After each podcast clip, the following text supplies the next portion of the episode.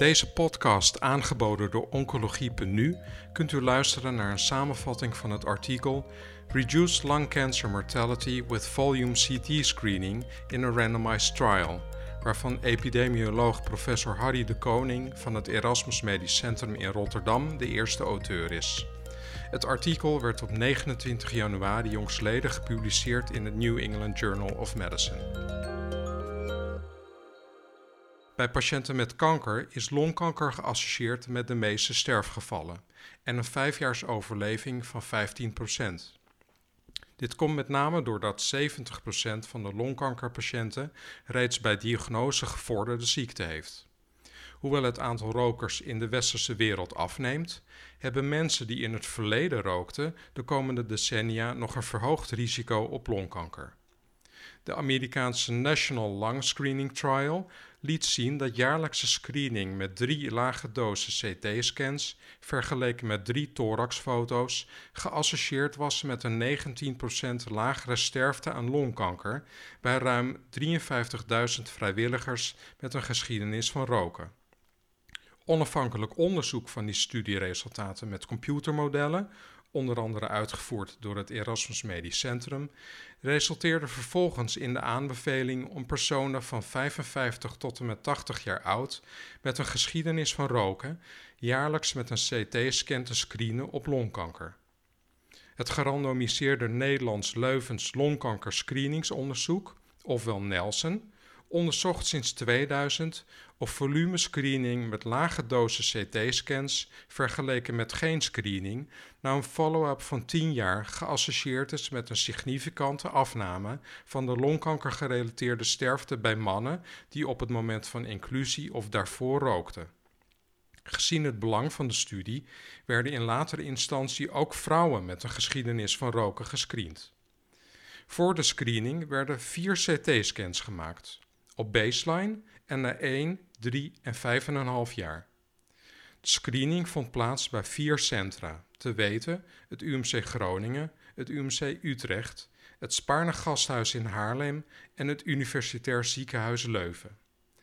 Alle CT-scans werden door het UMC Groningen beoordeeld. De primaire uitkomstmaat was de longkankergerelateerde mortaliteit. In totaal werden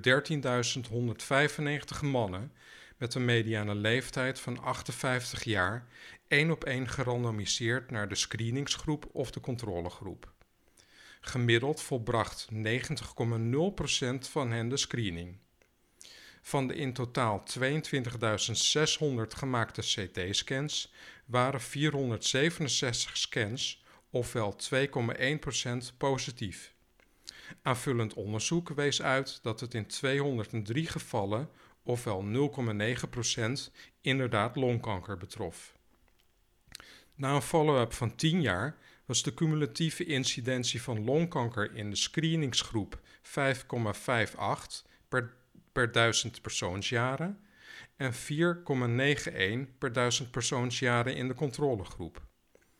Over de gehele periode inclusief de laatste vier jaren wanneer geen CT-scans werden gemaakt, werden 59% van de longtumoren in de screeningsgroep door de CT-scans vastgesteld.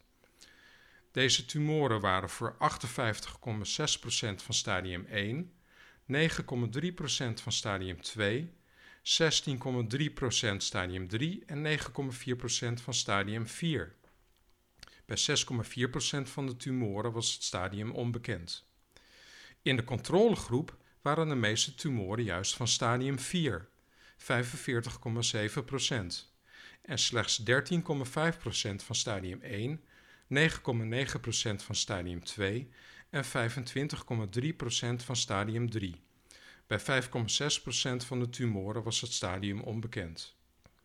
Verder bestond de meerderheid van de longtumoren uit adenocarcinomen. 52% in de screeningsgroep versus 43,8% in de controlegroep. Na een follow-up van 10 jaar waren in de screeningsgroep 156 mannen bij wie longkanker was vastgesteld aan longkanker overleden, versus 206 mannen in de controlegroep. Dit vertaalde zich in een cumulatief sterftecijfer van respectievelijk 2,50 en 3,30 donen per 1000 persoonsjaren en een ratio van 0,76 met een 95% betrouwbaarheidsinterval van 0,61 tot 0,94 en een p-waarde van 0,01. Na een follow-up van 8, 9 en 11 jaren werden de uh, waren vergelijkbare ratio's gevonden. Analyse van de 2594 geïncludeerde vrouwen liet zien dat na een follow-up van 10 jaar de ratio van het cumulatieve longkankergerelateerde sterftecijfer in beide groepen 0,67 was, met een 95% betrouwbaarheidsinterval van 0,38 tot 1,14. Deze ratio was nog gunstiger en significant in de jaren ervoor: 0,46 na 7 jaar, 0,41 na 8 jaar en 0,52 na 9 jaar. Ongeveer 50% van de mannen uit de Nelson-studie voldeden aan de inclusiecriteria van de eerder genoemde National Lung Screening Trial. Uit analyse van deze subgroep bleek dat na een follow-up van 10 jaar de ratio van het cumulatieve longkankergerelateerde sterftecijfer in beide groepen 0,82 was, met een 95% betrouwbaarheidsinterval van 0,64 tot 1,05 en daarmee veel beter dan de geobserveerde reductie bij mannen in de Amerikaanse studie. Concluderend laten de resultaten van Nelson-studies zien dat bij mannen die roken of gerookt hebben, de longkankergerelateerde mortaliteit significant lager is na screening met CT-scans vergeleken bij mannen die niet gescreend werden. Daarnaast werden in een kleinere subgroep van vrouwen zelfs betere resultaten gevonden. Deze hoopgevende resultaten lijken dan ook een grotere vervolgstudie bij vrouwen te rechtvaardigen. In ieder geval is er nu een tweede studie met zelfs betere resultaten en een veel lager verwijscijfer dan de Amerikaanse studie, wat een goede opmaak betekent voor geleidelijke invoering van longkankerscreening in Europa. Bent u geïnteresseerd in meer podcasts? Deze zijn te vinden op de website oncologie.nu.